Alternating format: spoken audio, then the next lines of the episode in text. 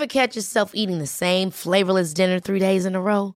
Dreaming of something better? Well, HelloFresh is your guilt-free dream come true, baby. It's me, Kiki Palmer. Let's wake up those taste buds with hot, juicy pecan-crusted chicken or garlic butter shrimp scampi. Mm. Hello Fresh. Stop dreaming of all the delicious possibilities and dig in at HelloFresh.com. Let's get this dinner party started.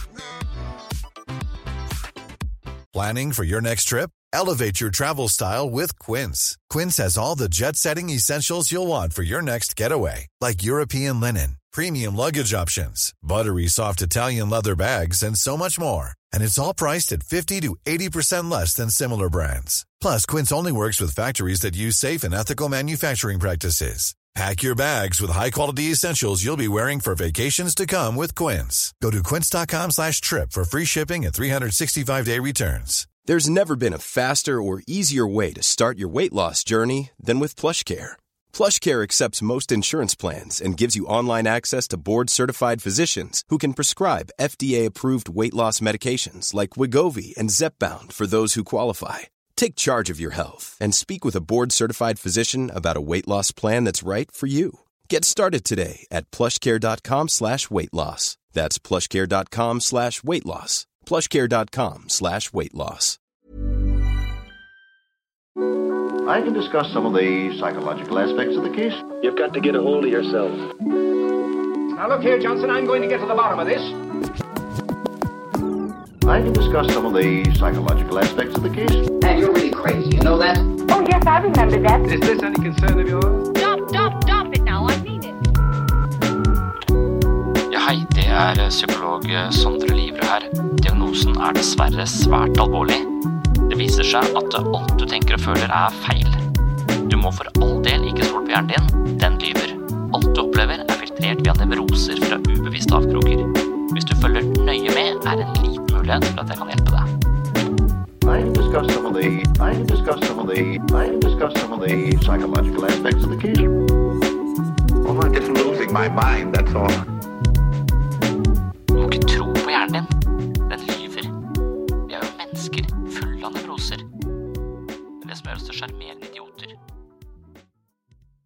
Tankefeller, eller kognitive forvrengninger, er karakteristiske måter å tolke hendelser, oss selv, vår atferd, andre mennesker og verden på. Vi bearbeider informasjon hurtig og kommer fort fram til en rask og sikker konklusjon. Det er snakk om mentale snarveier som ofte er formålstjenlige fordi de sparer oss for krevende og omstendelig informasjonsbearbeiding. Vi tar altså tankemessige snarveier. Når man imidlertid kommer i dysfunksjonelle tankefeller, kjennes det ut som om vi kommer fram til fakta, noe som kan føre til rigiditet og unyansert svart-hvitt-tenkning. I dagens episode skal jeg snakke om noen av de vanligste tankefellene. Når vi er fanga i tankefeller, vil vi få en forkrøplet virkelighetsoppfattelse, mangle psykologisk fleksibilitet, og det vil hemme oss i problemløsning, og det kan skape forvirring og uoverensstemmelser i relasjoner. Noen ganger kan en person benytte seg så mye av bestemte tankefeller at det blir snakk om en utpreget kognitiv stil. Tankefeller er særlig iøynefallende ved depresjon, bitterhet, sinne, personlighetsforstyrrelser og konflikt og mellommenneskelige problemer. Tankefellene leder til hurtige konklusjoner som aktiverer negative følelser og dysfunksjonell atferd. Negative følelser på sin side aktiverer igjen tendensen til å havne i tankefeller, så det kan da kalles en ond sirkel. Innsikt i tankefellene kan brukes til å unngå dem.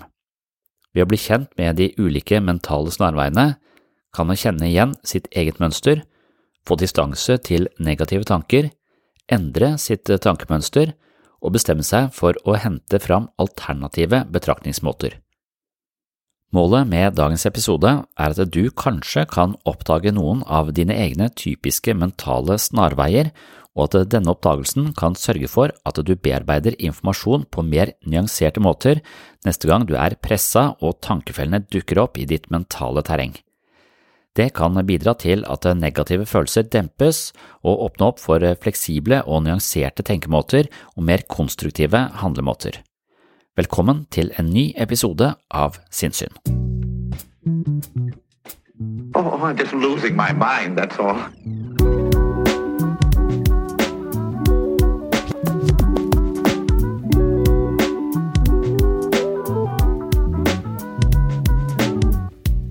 Her med virkelighetstunneler kan gjøres sånn veldig filosofisk. Veldig mange filosofer som har delt opp verden på akkurat den, den måten der. sånn at det, man, man kan liksom nå en stadig mer virkelighetsnær erkjennelse av ting, men man kan aldri komme til tingen i seg selv. Kant f.eks. mente at man kan ikke komme til tingen i seg selv. For den er alltid en fortolkning, men de fortolkningene kan være mer eller mindre gode. Og derfor så ser jeg nesten på psykologi som diktanalyse. Altså, det handler om å komme til en, en stadig mer nyansert fortolkning av en tekst, et bilde eller av et indre liv. Du vil aldri få en absolutt fortolkning av et maleri, men du kan få en stadig mer nyansert og breiere forståelse for hva kunstneren uttrykker, kanskje. Det fins dårlige måter å tolke Romeo og Julie på, og det fins bedre fortolkninger av Romeo og Julie. Det er ikke liksom, alle fortolkninger er ikke like gode, men jeg mener det finnes rangering, og sånn tror jeg det også er om vårt indre liv. At det, det finnes eh, mer eller mindre gode og virkelighetsnære forståelser av oss selv og, og andre mennesker. Og at psykoterapi er det prosjektet å komme nærmere det. Vel vitende om at vi aldri får en absolutt forståelse av oss selv eller den andre, men vi kan stadig utvide horisonten eller virkelighetstunnelen. Så da ser jeg kanskje for meg at vi sitter i en sånn type Platons hule, og at eh, vi har, psykoterapi er å ha en lommelykt, lyse litt rundt, se liksom at det er litt rom der. Da kan vi kanskje stadig utvide det området vi lever på i denne hula. Men vi kommer aldri til å se hele hula, for den er ganske stor. Den er jo Ja, det, det må være, være målet når vi beskriver eldre. Før, før, så var jeg sånn og sånn. Da beskriver jeg egentlig Tidligere så levde jeg den og den virkelighetstunnelen og hadde den og den forståelsen av ting som var ganske snever. Men nå ser jeg jo at det er et mye større plass her enn jeg trodde før. Og så i bakspeilet så kan vi kanskje se forandringen. Så når vi beskriver hvem vi var tidligere, så beskriver vi en trangere variant av oss selv som vi har sett uh, i et større perspektiv, og dermed utvida oss som, som, menneske. Og dermed så uh, kommer også denne ideen vi liksom har snakket om i det siste, at det å aktivt gå inn for å forandre seg, er kanskje ikke Altså, forandringen kommer som en bivirkning av større innsikt. Og at, den, at du ved å, å, få et større perspektiv har sett flere, flere ting. Men så kan det også være denne altså Freud ble kritisert for dette at han trodde at innsikten førte til forandring i seg selv. Og, og det er vel uh, mange som opplever at det nettopp ikke gjør det. At man uh, også på en eller annen måte må sjøsette de nye perspektivene man har sett i livet sitt. For vi har en tendens til å gå i de samme banene. For det er litt anstrengende å begynne å gå og pløye nytt uh, terreng. Selv om vi vet om det terrenget, til og med, så er det ikke sikkert at vi orker å, orker å gå uh, gå dit. Men akkurat i dag så tenkte jeg at uh, Jeg må avslutte litt tidligere i dag, men eh, jeg tenkte at en, en, måte å forstå fortolkningene våre på, og virkelighetstunnelene våre på, og hvordan de er litt sånn skakkjørte, det er via disse mentale snarveiene eller tankefellene eller biasene som er sånn type kognitiv psykologi. Så kognitiv psykologi de har liksom pinpointa en hel del måter mennesker typisk tenker på, som fører til eh, litt virkelighetsfjerne forståelser, eller unyanserte forståelser.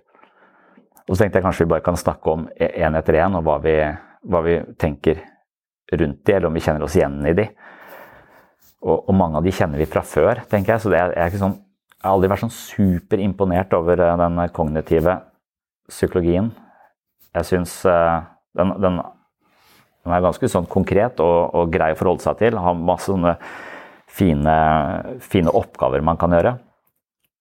Men kanskje det grenser til det litt banale innimellom. Jeg vet ikke hva Men vi, kan ta den lista. 1, 2, 3, 4, 5, 6, 7, 8, 9, 10, 11, 12 tankefeller som er de vanligste ifølge Norsk forening for kognitiv terapi. Og det, det første som står der, er alt eller intet svart-hvitt-tenkning. Og det er når man vurderer situasjoner, hendelser, enn selv, andre mennesker, i enten-eller kategorier. Man bruker ikke graderte skalaer i vurderingene. Så det er der jeg liksom modifiserer denne alt du tenker og føler er feil. Det er ganske bombastisk, men at, man, at jeg nesten selv av og til eh, aktivt putter inn en gradering i hvor mye jeg tror på det perspektivet jeg nå har. Og, og det er særlig i krangler, da, så tenker jeg at jeg har rett nå. Hvor sannsynlig er det? 100% tenker jeg da, i en krangel. Når, når jeg tror at jeg er 100 rett, da vet jeg at jeg er eh, i følelsenes vold, at jeg ser verden fra følelsenes ståsted, og ikke at jeg klarer å se nå er verden sånn, men den er farget av denne følelsen. Derfor har jeg akkurat det perspektivet. Jeg tror at det er eh, altoverskyggende sant. Jeg tror ikke at noen ting er 100 sant, men jeg tror det kan pushe opp mot veldig sant. Og noe kan være veldig sant, men det kan også bare være en del av forklaringen og forståelsen. Som regel så er det mange andre. Kan du få andre forklaringer som kan pushe opp og være mer Så at jeg av og til kan gradere sånne, sånne ting. Og hvis du blir krenka eller får tilbakemeldinger som du virkelig ikke liker, så kan jeg også, også stoppe opp og tenke Ok, nå kommer det fra dette uh, mennesket. Kan, uh, hvor mye vekt skal jeg legge på det? Hvor sant skal jeg vurdere at dette er? Og noen ganger så må jeg tenke at det, det tror jeg er 2 sant. Fyren er en idiot. Og så, og så, tar jeg det med meg som 2% sant. Og så, og så vil jeg kanskje i etterkant revurdere det. Av kanskje 7% sant. Så, så, noen ting har jeg ikke mental kapasitet til å se bredden og dybden i før det har gått en stund. og Det er det jeg kaller å bearbeide. Men jeg, jeg logger det som 2% sant. da. Hvis jeg avskriver det helt, så vil jeg ikke ha noe med det perspektivet. Jeg trenger det ikke. Det er helt usant. Det tror jeg ikke er så lurt. Jeg tror det er lurt å logge det som 2% sant, og så ta det med seg, og så eventuelt oppjustere det etter hvert som du har mental kapasitet til, å, til selverkjennelse du helst vil unngå. da. Det vil være det motsatte av alt eller intet-tenkning. Altså, det du sier nå, det er helt feil. Det du sier nå, det er helt riktig. Jeg er sikkert sånn. Fy faen. Da tror jeg jeg går hjem og legger meg og gir opp. Alt eller intet-tenkning. Så det er noen eksempler her. Du, du ser ting som svart eller hvitt, ja. Hvis prestasjonen ikke blir perfekt, ser du på deg selv som mislykka. Jeg er stygg hvis ikke jeg er like pen som de peneste. Talen min var en fiasko siden jeg snubla i noen ord. Jeg er dum fordi jeg ikke klarte denne prøven bra nok. Så kognitiv terapi går liksom La oss si jeg er dum fordi jeg ikke klarte denne prøven bra nok. Akkurat den, Jeg husker en, en som sa omtrent akkurat det. Og så spurte jeg hva slags karakter han hadde fått på tidligere prøver. Og da, da lå han ganske høyt, og så var det en han ikke hadde fått god karakter på, og tenkte at han er, han er dum. Og det er veldig uvanlig at, at intelligensnivået ditt og evnene dine faller eh, såpass mye at du har blitt dum. Sjansen for at det er andre faktorer, f.eks. at du ikke har tid til å lese mye, at du akkurat har vært igjennom en skilsmisse, eh, at du, du jobber for mye, eh, at du spiser usunt, ikke klarer å sove for tida, det er nok sannsynlige faktorer som påvirker dette prøveresultatet. Det er sånn kognitiv terapi vil gå inn og så bare tvinge deg inn i noen andre, andre perspektiver og ut av alt eller intet svart-hvitt-tenkning. Så hvis du plutselig, hvis du har gjort det ganske bra på mange prøver, plutselig gjør det dårlig på en prøve, og det er fordi at du mangler intelligens, så er det en sånn type demensutvikling. Da Da er det sånn degenererer et eller annet inn i huet ditt. Og det hadde jo vært Da må du til legen kjapt. Hvis ikke vi mistenker det, så, så kan det være andre, andre faktorer. Ja, for jeg lurer på om det finnes en ulempe der, som, som nettopp er denne tvilen eh, og den ambivalensen som, eh, som, kommer inn. Og til den Hvis noe er sant eller ikke sant også, eller, altså, Det jeg syns er interessant med ambivalensen, er at jeg, istedenfor å Idet jeg får et nytt perspektiv på meg selv, f.eks., så, så hadde jeg tidligere kanskje en tendens til å annullere andre perspektiver. Men nå tror jeg bare jeg putter det inn som et ekstra perspektiv, sånn at jeg samler på ideer, nye ideer. Men hvis jeg tenker at en idé som sier det motsatte av en annen idé, utkonkurrerer den første ideen, for da er det en ny, ny sannhet, så føler jeg bare jeg, mista en ting, og så fikk jeg en ny en. Jeg samler ikke lenger på ideer. Jeg bytter de bort. Og jeg tror jeg liker samlemetaforen bedre, at jeg samler på nye ideer. Kanskje jeg må degradere den ideen jeg hadde fra før i sannhetskvalitet. Den går fra 40 til 25. Mens den nye kommer inn og, og tar de 15% som den mista. Og så, så det, dette, er, dette, er, veldig sånn Det å være veldig sånn nyansert og se veldig mange perspektiver, det er også en slags bevegelse man har sett i, i hele si, i den kollektive bevisstheten, på sett og vis. At kulturer også eh, langsomt altså Man går fra diktatur til demokrati. Man tenker at det flere stemmer er viktig å, å, å bli hørt, og man istedenfor at det er én sannhet, så har vi slutta å tro på én sann gud. Vi har slutta å tro på og så kom vitenskapen, så trodde vi at vitenskapen hadde alle de rette svarene. Men så er vi forbi det, og vi tror ikke lenger at vitenskapen heller kan skrive ting i stein. Derfor så har vi kommet til en sånn type postmodernisme hvor alt er litt, litt riktig og litt feil. Og, og, det er for mange også en intellektuell hengemyr. For der går det ikke an å nesten si noe. Så faren der med nyansene er handlingslammelse. Hva faen skal jeg gjøre for noe nå, da? Når alt er litt sant og alt er litt feil. Og, sånn. det, er no, det, er ikke noe sted å stå der. Så du blir bare vakende rundt i alle, i alle mulige perspektiver. Og, alle, og du, du, får ikke, du, får ikke, gjort noe. Sånn at, det, sånn at et personalmøte som er veldig postmoderne, som jeg snakket om, det, altså et personalmøte kan vare i en uendelighet og anses som vellykka hvis alle får si litt om hva de føler om en sak.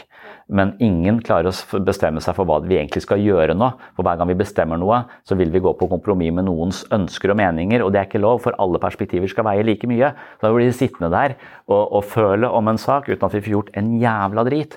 Og folk blir så utålmodige at de begynner å kjøre en kniv inn i låret bare for å kjenne at de lever. Så Det er ulempen med ambivalensen, på, på sett og vis. Ikke sant? Så, så, innimellom så kan alt et, eller intet, ja eller nei, eh, bra eller dårlig altså, det, det, det, blir, Du blir en tydeligere leder da. Og det er vel, ja, altså Akkurat som Jonas Gahr Støre er litt for lite alt eller intet-tenkning.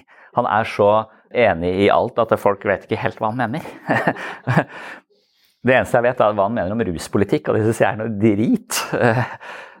Det eneste jeg føler han er tydelig, og så bare faen på feil sted for min, for min del. Men uh, neste spå om fremtiden.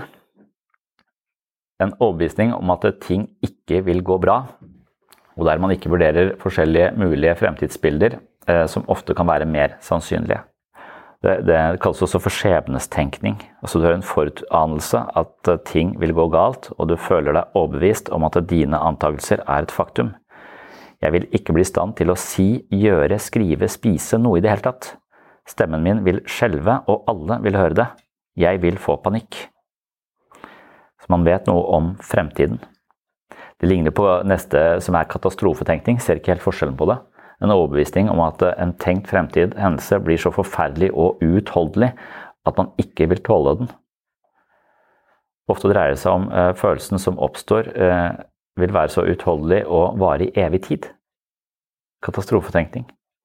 Spå om fremtiden, katastrofetenkning. Man har noen forventninger om fremtiden og at ting går til helvete. Det er nesten et selvhjelpstips også, det er i noen bøker. Altså forvent det verste, så kan du bli positivt overraska. For, for, for, de fleste så kommer det av seg sjøl å tenke at ting går til å gå til helvete. Jeg kommer til å drite meg ut. Det er, det er en vanlig tanke.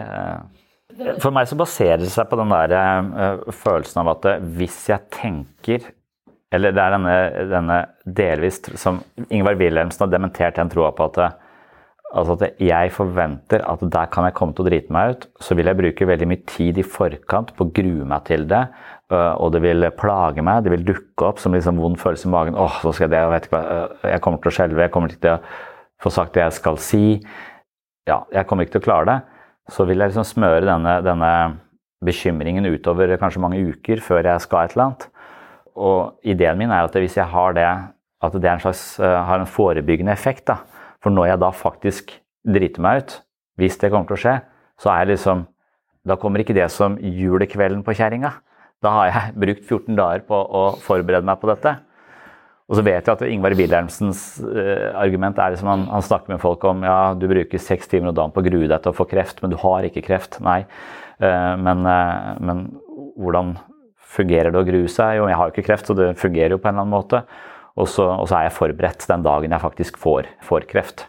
Og det de sier det, så skjønner jeg vel kanskje at det, det å bruke hele livet sitt på å grue seg til å få kreft når man ikke har kreft, er man bedre forberedt da? Vil man takle kreften bedre? er vel eh, det spørsmålet som, som stilles. Og når han da begynner å si ja, men har du tenkt på at du kan få hjerteinfarkt, du kan få diabetes type 2 med den livsstilen du har, du, du, er også demens i familien, det er masse faenskap her du kan, kan, bruke tid. Og så sier jeg men det har jeg ikke tid til, for jeg er jo så opptatt av kreft. Og så sier jeg får håpe det er kreft du får, da, siden, siden det er det du kan. Det, det er vel bare for å redusere fallhøyde, da.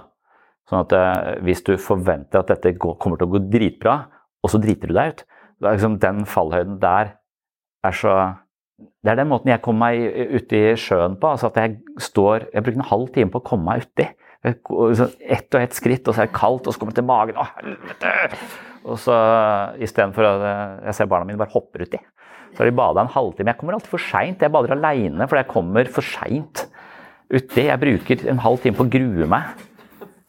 Så spørsmålet er da det å grue seg og forvente at det går, er det, har det vil det, være, vil det ha en såpass eh, dempende effekt på den fiaskoen som eventuelt måtte oppstå, at det er verdt det? Jeg tror nok ikke det. Men, ja, for, men, hvis du klarer det, hvis du klarer å holde den avstanden til at det spiller ikke så stor rolle, for, for det kommer ikke til å definere meg som menneske, så har du lært deg nederlig kunsten å gi faen, og du har en større avstand til følelser. Du vet at de følelsene av fiasko kommer ikke til å slå meg i bakken. Den følelsen av suksess kommer jeg til å være øh, fornøyd med. Altså, det spiller ikke så stor rolle. Da har du ganske stort rom i deg selv, tenker jeg. Da tror jeg at tankefellene vil være mindre nødvendige. For det er vel en følelse av at jeg takler ikke å drite meg ut. Eh, den frykten, altså at jeg kommer til å gå psykologisk til grunne hvis de ler av meg. Så det er vel den frykten for at ego skal dø nærmest i den eh, situasjonen, som sørger for at vi på en eller annen måte prøver å forebygge det ved å allerede være forberedt på det. Eller eh, selskap jeg tenker, Ok, selskap jeg gruer meg til. Da er det første spørsmålet er det alkohol der. Hvis ja, så tenker jeg da går det greit. Hvis nei, shit. Bryllup uten alkohol? Fy faen. Det burde vært forbudt. En annen vanlig tankefelle nedvurdering eller ugyldiggjøring av det positive. Når man eh, vurderer det man selv eller andre gjør som eh, helt selvfølgelig. Årsaken til at eh, du eller andre lykkes, tilskrives andre forhold enn egen innsats. Og man sier 'det skulle jo bare mangle'. Dette er også en holdning som er assosiert med depresjon. Veldig vanlig sånn ugyldiggjøring av det positive. Ja, den er Det skulle bare Ja. Og i, i det hele tatt ja, at man eh, Når man prøver å forandre seg, sånn som jeg eksempel, eh, altså, tenker man ikke skal endre seg, Jeg prøver å være mer tålmodig med barn. og Hver gang jeg klarer det, så legger jeg jo ikke merke til det. For det, jo, det skulle jo bare mangle. Så det er jo når jeg går trår feil, at jeg legger så tydelig merke til det. Eller for det er, det er så synlig. Men baseline er jo å være tålmodig, og det er jo stort sett.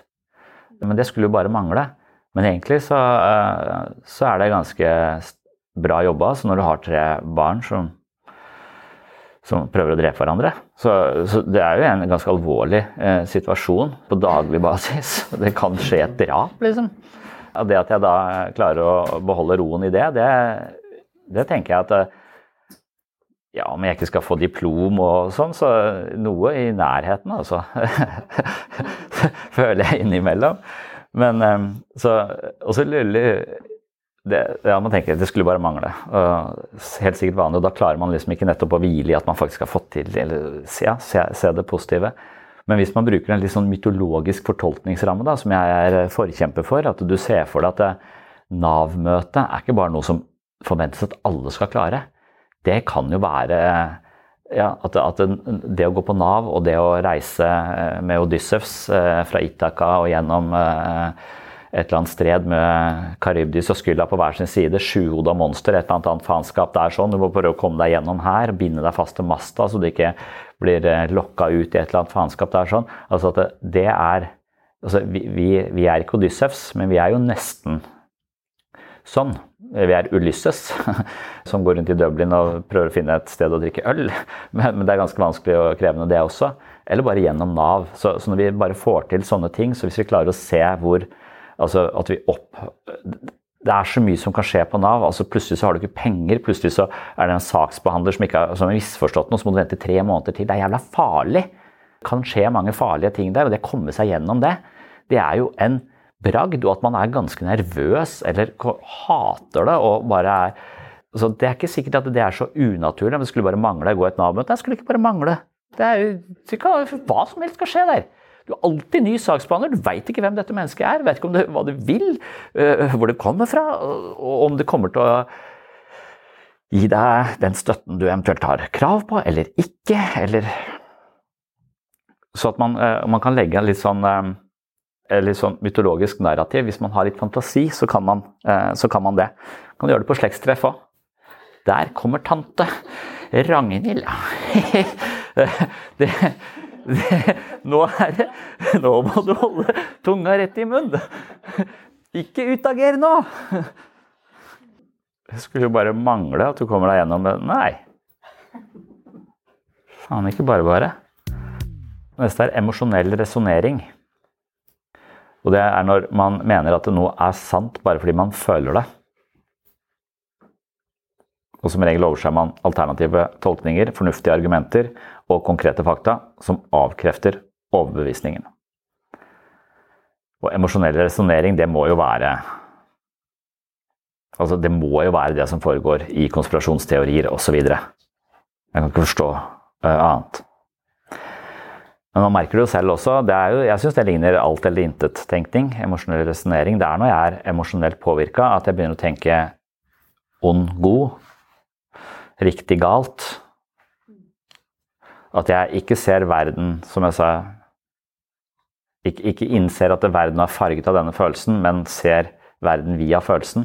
Er følelsen i vurderingen av, av verden, og tror at det jeg føler, er sant. Så Det står her at du antar at dine negative følelser nødvendigvis gjenspeiler ting slik de egentlig er. Jeg føler det slik, derfor må det være sant. Jeg er så nervøs at andre sikkert tenker stygge ting om meg. Jeg føler meg dum og ser sikkert dum ut. Jeg føler meg så engstelig, så dette går sikkert dårlig. Hvis du begynner å resonnere i takt med følelsene dine, så er det veldig vanskelig å være menneske. Og du blir veldig forvirra veldig fort, fordi at følelsene de kommer og går såpass uh, mye. Og det handler om dagsform, det handler om humør, det handler om blodsukker. Så følelsene dine vil jo hele tiden svinge. Og hvis du da gjør vurderinger på bakgrunn av hvordan du føler deg Jeg snakket om, med en her om dagen som mente at hun nettopp gjorde det. og Hun, hun er i et uh, forhold, og dette er egentlig en perfekt person. Men uh, det er kun på mandag og tirsdag hun føler det. Onsdag og torsdag så er hun jævla usikker. Fredag så er hun ganske bra igjen. Og dette går jo uh, Så hennes vurdering av dette parforholdet det svinger jo i takt med hvordan hun føler seg. Hun føler veldig mye for hver dag. så så hun klarer ikke å binde seg til dette mennesket, for det er så ustabilt hva, hun, hva, hun, føler. Selv om det, hvis hun tar et, et logisk ser utenfra, så er dette en annen person enn den hun typisk alltid har møtt. Dette er sannsynligvis eh, et, et menneske som, ikke, som er bra for henne, da. Men, men, det er vanskelig å, fordi at hun Så, så jeg tenker, hvis du, hvis du, skal gifte deg, så må du gjøre det i Las Vegas. sa jeg. Og det, det var hun alltid ønska. Det, det, det, var drømmen, var å gifte seg i, i, i Las Vegas. Nettopp fordi at jeg tror hvis du er såpass uh, følelsesmessig i, følelsenes vold, da, så vil du Jeg elsker deg i dag, men jeg hater deg i morgen. Og da, da må vi smi mens jernet er varmt, på en måte. Da. Jeg tror det er sånne type ekteskap som foregår i, i, i Las Vegas. Og hvis, du, og hvis, du, vurderer også din egen verdi, da, selvfølelsen din, på bakgrunn av hvordan du føler deg, så er du også fucked. Da kommer du til å, Selvfølelsen din kommer til å være like ustabil. Altså, det kommer ikke til å være noen kontinuitet i hvem du er og hva slags verdi du har som menneske. Det vil jo være eh, totalt avhengig av eh, dagsform og, og, hvilket bein du sto opp med. liksom. Og da har du ikke noen stabil følelse av hvem du er. Det vil alltid være svært, eh, svært ustabilt. Jeg tror det er hvis, hvis, denne tankefella er veldig nærliggende for deg, at du resonnerer emosjonelt veldig ofte, så, så tror jeg du vil mangle følelsen av kontinuitet og egentlig vite hvem du er, og dermed også sannsynligvis jævla usikker på seg selv og jævla usikker på hvordan han skal møte verden. For jeg har ikke noe Det er ikke noe ja, Hvordan jeg vurderer meg selv, er så Jeg er ikke den samme i går som jeg er i dag. Jeg anerkjenner at jeg ikke er den samme i dag som jeg er i går, for jeg er et døgn eldre, men jeg føler en ganske stor grad av kontinuitet mellom i går og i dag, og jeg forventer at jeg kommer til å føle det samme i morgen. Fordi at jeg er ikke totalt kobla fra følelsene mine, men jeg har en selvfølelse som er mer stabil enn at den svinger i takt med dagsform. Og Det hadde jeg ikke alltid hatt, men det har jeg tenkt at det er jævla viktig også ikke vurdere meg selv ut ifra dagsform. Du kan jo vurdere andre mennesker ut ifra dagsform, men uh, i det du vurderer, så ja. Så med en gang du har denne, du er resonnerer i takt med følelsen, så, så er det vanskelig å finne noe sammenheng. Og det er vanskelig å bli kjent med deg også, for du, du vil jo veksle veldig. Mom deserves the best, and there's no better place to shop for Mother's Day than Whole Foods Market. They're your destination for unbeatable savings, from premium gifts to show-stopping flowers and irresistible desserts. Start by saving 33% with Prime on all body care and candles. Then get a 15-stem bunch of tulips for just $9.99 each with Prime. Round out Mom's menu with festive rosé, irresistible berry chantilly cake, and more special treats. Come celebrate Mother's Day at Whole Foods Market. When you're ready to pop the question, the last thing you want to do is second guess the ring. At Bluenile.com, you can design a one of a kind ring with the ease and convenience of shopping online. Choose your diamond and setting. When you find the one, you'll get it delivered right to your door. Go to Bluenile.com and use promo code LISTEN to get $50 off your purchase of $500 or more. That's code LISTEN at Bluenile.com for $50 off your purchase. Bluenile.com code LISTEN. Here's a cool fact a crocodile can't stick out its tongue. Another cool fact you can get short term health insurance for a month or just under a year in some states. United Healthcare short term insurance plans are designed for people who are between jobs, coming off their parents' plan, or turning a side hustle into a full time gig. Underwritten by Golden Rule Insurance Company, they offer flexible, budget friendly coverage with access to a nationwide network of doctors and hospitals. Get more cool facts about United Healthcare short term plans at uh1.com. Men jeg tror bare man lager en distinksjon mellom å kjenne på følelsen og være emosjonell. At det, er en, det er en distinksjon der mellom å være fanga av følelsen og nettopp kjenne på følelsen, forstå følelsen, men også da eh, legge til i regnskapet når du vurderer deg selv og verden, at her er det en sterk følelse som har ganske stor plass i meg akkurat nå. Så, så det, det, vil være å kjenne på følelsen. Men så å resonnere emosjonelt, så er du ikke eh, Du ser ikke den flekken du står på, du står på følelsen og agerer ut ifra følelsen. Så det er vel det også tåle å forstå og bruke følelsene sine i vurderingen av verden, er det ikke noe, noe galt med. Verden farges hele tiden av følelsene, følelsene våre, men idet du er oppmerksom på det, så, så, kan de brukes mer konstruktivt. Du kan også korrigere for ting du vet er overdrevent. Så kanskje litt det eh, det jeg vurderer, hva, hva, slags klima er det nå, ut ifra at jeg skal vurdere sannhets, sannheten til det denne personen sier sånn og sånn. Er jeg veldig krenka? Er jeg veldig på bakbeina nå? Føler jeg meg veldig angrepet? Er jeg redd? Altså Alle de følelsene vil jo gjøre meg mer sårbar til å gjøre feilvurderinger. Og hvis jeg ikke anerkjenner eller merker det, så, så vil jeg gjøre ganske store feil, feilvurderinger. Så jeg tror det er en forskjell på å være, være emosjonell eller tåle følelsen. eller at det er den, den distinksjonen som kanskje gjøres, men ikke gjøres tydelig nødvendigvis i selvhjelpslitteratur. Du skal bare stole på følelsen. Jeg stoler på følelsen. Ja. Det er nesten litt rart at vi driver eh, med det i så stor grad, for at all erfaring tilsier jo at uh, Altså, vi, vi, vet jo om været også at det, eh, det kommer ikke til å regne for alltid. Det kommer til å bli sol. Altså, mens når det gjelder følelser, så kan jeg havne altså Det tok jo tre barn før jeg skjønte at livet mitt ikke var over. Altså Jeg sto på natta med, nummer én tenkte at nå, nå, har jeg ikke noe mer liv. Nå skal jeg ikke sove igjen resten av livet. Nå, nå kan jeg bare gi opp meg selv. Nå er jeg bare totalt uh, så, og, og, og, jeg trodde det, og det, det var helt mørkt Det var midt på natta og var jævlig trøtt. Det var en veldig emosjonell resonnering. Og ikke forstå at dette er temporært. Det går bare en uke, så vil det være helt andre ting du har problemer med enn det du har akkurat nå. Så det kommer hele tiden eh, nye problemer. Og ofte så er de verre enn de du hadde sist gang. Sånn at eh, ting blir bare verre og verre. ting er hele tiden temporært. Men det gjør ikke det. Det går også eh, bedre. Men det å huske at ting er temporært, og, og at det går i faser, det syns jeg er veldig Eh, bare i familielivet og sånn. at det, altså, Vi kan snakke om på mandag og tirsdag hvor, ting, hvor greit ting er. Og, og, så kan vi tenke må, må vi på BUP på torsdag? Altså øh, øh, Altså Ja, men det så jo helt annerledes ut for to dager siden. Altså, det å huske det har jeg Jeg er den som husker på det hjemme hos oss, føler jeg. Altså Nå tror jeg vi er farget av et eller annet, den siste konflikten som plutselig var her, og som gikk helt ut av dimensjoner, på en måte. Men, men, men, det er sånn vi glemmer det. Altså, all erfaring tilsier at det, med en gang eh, det har gått litt tid, så vil den følelsen som du kikka gjennom de brillene du hadde på når du så verden på den måten, det vil se annerledes ut i morgen, i overmorgen. Det er vel derfor vi liksom skal ikke skrive den der mailen eh, før det har gått et par dager. da. Skal, og det, det tror jeg er et godt tips også når du er skikkelig forbanna. Vent et par dager. Men, eh, men, jeg pleier å skrive den med en gang. Og bare fordi jeg syns det er mer slagkraftig. Og sånn har jeg ødelagt ganske mange relasjoner. Men faen, hele livet vårt har vi jo skjønt at det følelser kommer og går, og det farger oss. Men likevel så tror vi på det. Jeg syns jeg er nesten imponerende dumt. Unyanserte merkelapper. Når man setter negative merkelapper på en selv eller andre, ofte er det snakk om uh, veldig sånne generelle og generiske merkelapper som er veldig store, globale, liksom. De er en tankefelle. Vi kan ikke si sørlendinger. Vi kan si bergensere, for de er helt like. Men sørlendinger, der er veldig mye variasjon innad i eh, grupperingen. Bergensere derimot, de, er de er helt en totalt homogen, veldig bråkete art som ligner på Homo sapiens, men som er av utseende. Men som er vesensforskjellig når det kommer til temperament.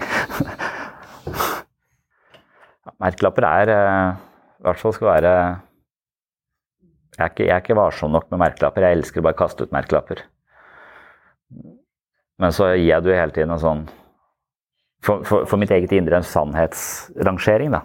Men i hans fantasi om østlendinger så er jeg stereotypen. Uh, og, og, jeg mener han har litt rett i det. jeg er enig i den uh, Men jeg, men jeg syns akkurat der tilbake til den der vi hadde generasjon prestasjon, så syns jeg at, uh, at, de merkelappene vi setter, måten vi fortolker ting på, det er jo så kulturelt bestemt òg, så vi har noen narrativer som vi bruker når vi skal forstå verden og oss selv. De er liksom infiltrert i oss. Og Der syns jeg at dette kliniske språket er en fare, og, og det er merkelapper som står i fare for å sykeliggjøre en hel haug av tilstander som egentlig kunne vært portåpnere til en, en, dypere forståelse av seg selv. Som vi snakket om dette med å våkne på natta med hjertebank og kalle det for panikkangst. Og få medisin og gå til behandling, eller se på det som en tjenende ånd som tvinger deg til å ransake sjelen din, som er Kirkegårds beskrivelse av den samme situasjonen, så har vi begynt å kalle det for panikkangst.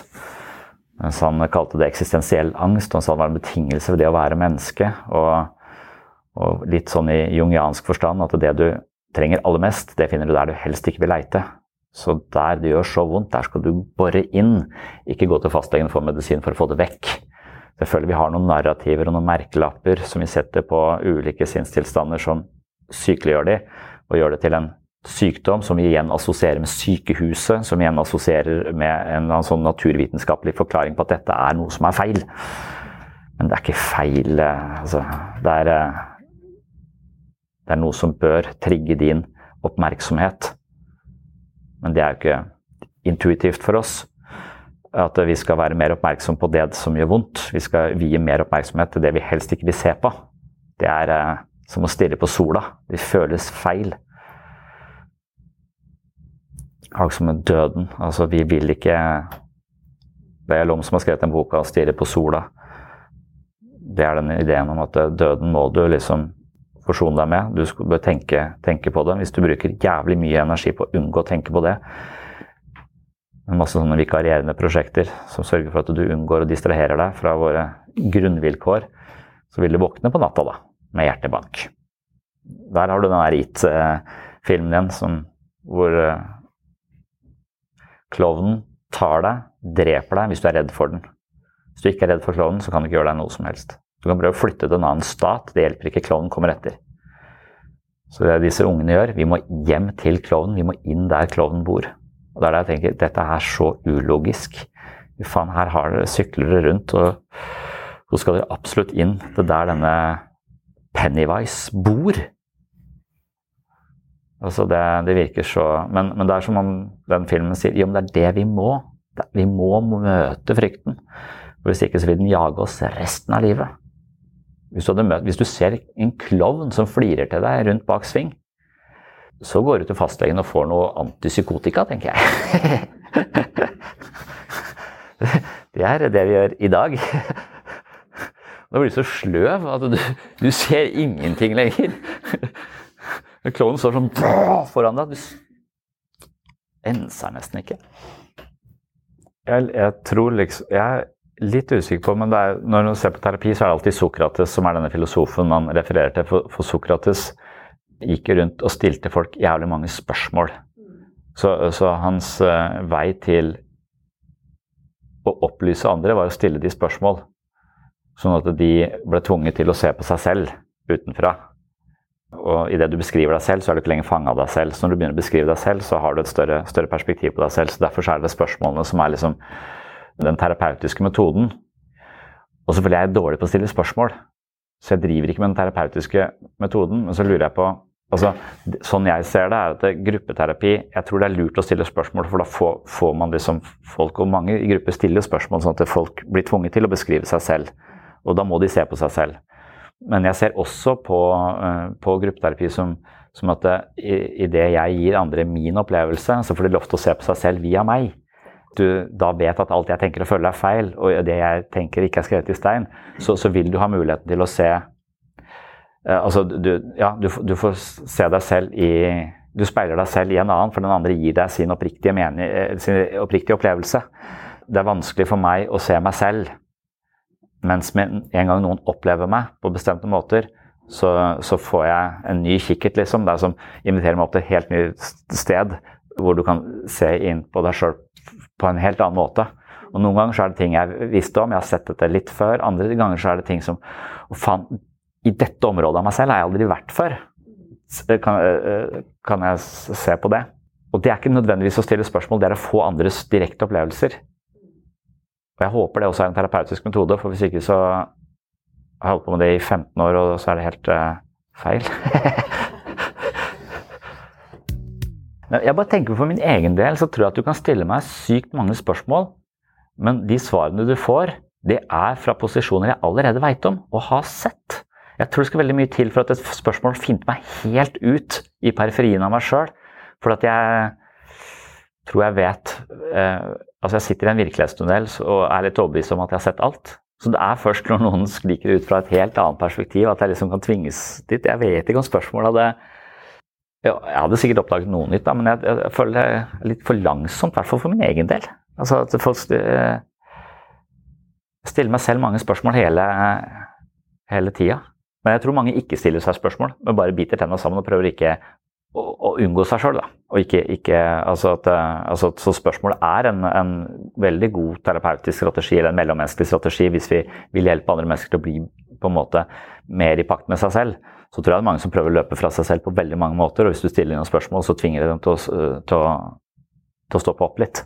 For, for, det er jo forbløffende mange som ikke aner noe om seg sjøl. Altså at de kjenner andre mennesker mye bedre enn de kjenner seg selv som eh, denne selvoppofrende strategien, at du hele tiden kjenner andres behov, men du aner ingenting om deg sjøl.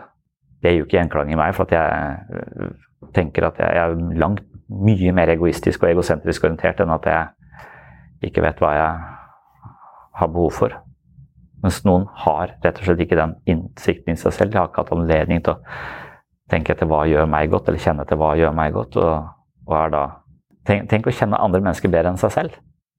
Jeg vet at Google og Facebook kjenner meg bedre enn jeg kjenner meg selv. Men uh, så kommer jeg på andreplass, føler jeg. og så kommer andre mennesker kjenner jeg mer eller mindre godt. Men noen kjenner andre bedre enn de kjenner seg selv. Det tror jeg er sant, at noen kjenner andre bedre enn de kjenner seg selv. Det er uh, Du bor i denne kroppen, du bor i dette huset, men du vet, du vet egentlig hvordan det ser ut hjemme hos andre i mye større grad enn hjemme hos deg selv. Når jeg tenker meg så tror jeg også spørsmål vil, at gode spørsmål også kan ha ganske stor effekt. Eh, særlig hvis du får spørsmål du ikke hadde forventa, og du må, må, svare litt sånn umiddelbart. For da, da, har du liksom ikke fått tygd det gjennom, og da er det sjanse for at du plutselig sier noe som du ikke har, eh, har, har følt at du selv har tenkt, nærmest, men som likevel da dukket opp fordi at du ble tvunget til å Eller ikke tvunget, men du, du fikk det spørsmålet som, som satte deg i den posisjonen. Så jeg, ja, spørsmålet er ganske potent, det òg. Og det er i hvert fall en bedre strategi. det er jo sånn, sånn Hvis, hvis folk er veldig fanga av, av, følelser, og, og, du kommer Nei, du trenger ikke, ikke tenk på det. Nei, alle liker deg. Sånn, hvis, du, hvis, du, sier det til en med sosial angst, så, så, så vil sannsynligvis den virkelighetstunnelen vedkommende sitter i, være såpass uh, låst og full av frykt at de vil ikke ta sånne korrigerende perspektiv på at du tenker og føler feil der alt du tenker og føler er feil, det, det må du vite sjøl. Du kan ikke si det til folk som, som sitter midt i, eh, midt i, en følelse. Da er jo en, ideen å spørre til hvor kjenner du dette? Hvor, hvor, hvor kjenner du eh, Hva er følelsen? Hvor sitter den i kroppen? Altså Du spør vedkommende eh, sånn at vedkommende må kjenne etter og, og merke at han sitter mest i magen eller i brystet. Og med en gang de begynner å kjenne etter det, så har de kanskje dratt seg litt ut av ikke like fanga følelsen, for de har fått noen spørsmål de har, eh, hvor de blir oppmerksom på seg selv. Og, og ikke så fanga av seg sjøl. Mens med en gang du, eh, du, begynner å korrigere perspektivet deres og si at ja, det er ikke noe vits i å føle sånn, så, så, tror jeg bare du eh, Fuck you, det er lett for deg å si. Og så bare blir du enda mer fanga i den virkelighetstunnelen. Det er sånn jeg opplever politiske debatter her også. at det, det er veldig, Jeg har aldri hørt en politisk debatt ende sånn du vet, Det var veldig interessant, det har jeg ikke tenkt på før. Nå tror jeg jeg skal endre politikken min. Altså, er det noen som har sagt det? Så Hver gang du får et motangrep, så vil de jo bare bygge enda en vegg rundt sitt eget perspektiv. Enda, enda en ny vegg rundt sitt eget perspektiv. De blir bare mer og mer låst i sitt eget perspektiv i den typen debattform. Og når du driver og debatterer med en som har sosialangst, så, så, så vil du få den samme effekten. Tankelesning er neste på lista. Man er sikker på at man vet hvordan andre tenker, og hva andre tror. Populært i parforhold, står det. Der man, populært Der man i tillegg ofte finner eksempler på at den ene parten mener at den andre bør være i stand til tankelesning. Du burde ha visst det uten at jeg har sagt noe. Så der både forventer man at andre leser tanker, og man tror selv at man leser, eh, leser tanker. Det tror jeg de fleste kan kjenne seg igjen i, hvis de har vært i et parforhold. For det er jo veldig populært i parforhold. Med tankelesning. Fryktelig å, være, å, bli krevd tankeleseegenskaper. Etter hvert som man skjønner at man er avkrevd den typen ting, så, så må man liksom gå rundt og være hele tiden. Så er det hvis noen har klipt seg, som ikke legger merke til det. det og det er ikke engang, Du trenger ikke lese tanker, du trenger egentlig bare se på håret der utenfor. Ikke engang det klarer jeg å få meg. klarer jeg i hvert fall ikke få meg det som foregår på innsida. Helt ute. Det er nok mer en sånn ting som uh, Veldig negativ ting når du tillegger andre tanker og følelser om deg selv som svinger i takt med ditt eget selvbilde. Sånn at du uh, istedenfor å prøve å undersøke det Hvis du har et destruktivt selvbilde, undersøke det, så, så prøver du febrilsk skal få det bekrefta så ting henger på greip. Det er vel altså det vanligste. at man, Det er det som er de negative levereglene også. At de, de har en sånn selvoppfyllende øh, kvalitet. De vil hele tiden søke å få seg selv bekreftet. Det er akkurat sånn som Piaget sier at vi, vi, vi, vokser til vi er sånn 20 år, fordi biologien drar oss gjennom utviklingslinjer, kulturen drar oss opp, vi lærer nye ting. Vi må hele tiden redigere måten vi forstår øh, oss selv og verden på. Men etter hvert som du blir 20, så har du ikke noe mer drahjelp til denne redigeringa av perspektivene dine. Så du blir mye mer opptatt av at eh, verden skal passe inn i de perspektivene du allerede har. For det krever mindre omstilling. Så er, eh, vi blir stadig mer konservative. Det er derfor du sier det jo eldre du blir, jo vanskeligere er det å lære noe nytt eller eh, å ta til deg. For du, veldig mange av oss da begynner å bare tviholde på de perspektivene som vi har, fordi det er vanskeligere. Ja, så vi, vi vil heller da ha en litt sånn skeiv forståelse av andre mennesker og virkeligheten for at den passer overens med det vi, det vi, tenker, eller prøve å presse verden til å bli, korrespondere med ideene vi, vi, selv har. Og da vil man i verste fall søke mot mennesker som nettopp behandler deg dårlig, hvis du har et dårlig selv, selvbilde eller selvfølelse. Og hvis, ikke, og hvis, du da møter mennesker som, som, ikke bekrefter det, så vil du likevel prøve å tilskrive dem den typen eh, tanker og ideer til de til slutt blir så forbanna at de sier 'fuck you'. Det var det jeg sa. Du er sånn, du òg. Det er det projektive. Når Jeg, det er det samme som jeg sier at andre er sure, og jeg egentlig er sur selv, og sier det tre ganger, så blir de sure. Så har jeg, ikke, så har jeg lagt over i, over i de. Det er greie grei strategi, egentlig. hvis du vil bli skilt. Takk for at du hørte på Sinnsyn. Er du mer interessert i tankefellenes psykologi, og kanskje interessert i å jobbe mer inngående med tankefeller for å unngå dem i ditt eget liv, så har jeg laget en egen øvelse rundt våre mentale snarveier på mitt Mentale helsestudio. Det er en episode som heter Øvelse 28 Unngå tankefeil, og her går jeg mer inn i tematikken samt utfordrer deg i en konkret øvelse for å kartlegge deg selv i lyset av de vanligste tankefellene. Som abonnent på min Patron-konto kan du altså finne en rekke episoder med mentale øvelser som er mynta på å styrke våre mentale muskler. Øvelse 28 blir publisert i begynnelsen av august 2022, men det er altså bare én av mange mentale øvelser her inne på dette mentale treningsstudio. Så er du mer interessert i menneskets indre liv, relasjoner og selvutvikling, så håper jeg at du klikker deg inn på min Patron-konto og blir supporter av Sinnsyn og Webpsykologen. På den måten støtter du dette prosjektet, og som takk for støtten får du masse ekstramateriale. Du får flere eksklusive episoder av Sinnsyn. Når denne episoden her slippes, så er det i alle fall 60 ekstra episoder av Sinnsyn inne på Patron. Du finner også en rekke episoder med mentale øvelser, massevis av videomateriell som ikke publiseres andre steder, og du kan høre meg lese og gjennomgå min første bok, Selvfølelsens psykologi, bedre selvfølelse ved å bruke hodet litt annerledes. Jeg leser også min andre bok, Jeg, meg selv og selvbildet, om å bli den man er, fullt og helt. Ved hjelp av en rekke psykologiske teorier forsøker jeg å lage et slags treningsprogram hvor man gjør øvelser som styrker selvbildet, selvfølelsen og mentale muskler. Er du blant de som finner verdi her på sinnssyn og litt over middels interessert i psykologi og filosofi, så er et medlemskap i Sinnsyns mentale helsestudio kanskje noe for deg. Håper å se deg som Patron-supporter. Du finner medlemskapet på patron.com for slash sinnssyn. Patron.com for slash sinnssyn. Det var det jeg hadde for denne gang. Håper du henger med i neste episode, og håper selvfølgelig at jeg ser deg inne på Patron. Takk for nå, og på gjenhør. Oh, I'm just losing my mind, that's all.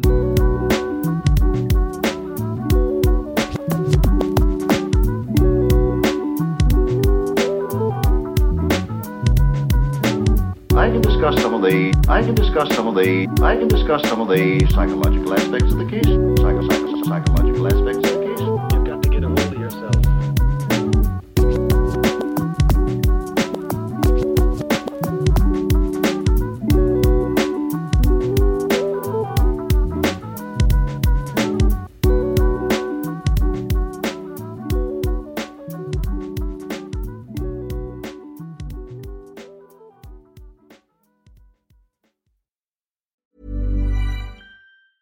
Planning for your next trip?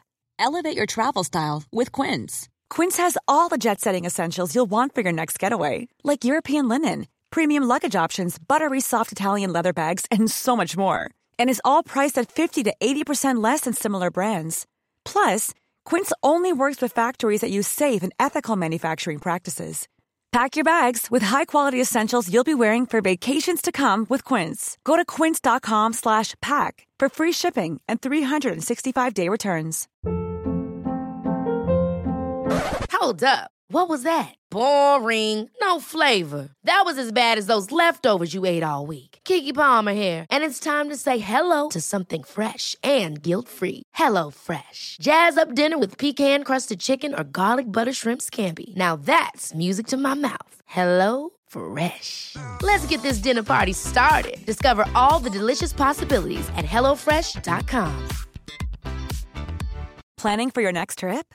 Elevate your travel style with Quince. Quince has all the jet setting essentials you'll want for your next getaway, like European linen, premium luggage options, buttery soft Italian leather bags, and so much more. And is all priced at 50 to 80% less than similar brands. Plus, Quince only works with factories that use safe and ethical manufacturing practices. Pack your bags with high-quality essentials you'll be wearing for vacations to come with Quince. Go to quince.com slash pack for free shipping and 365-day returns.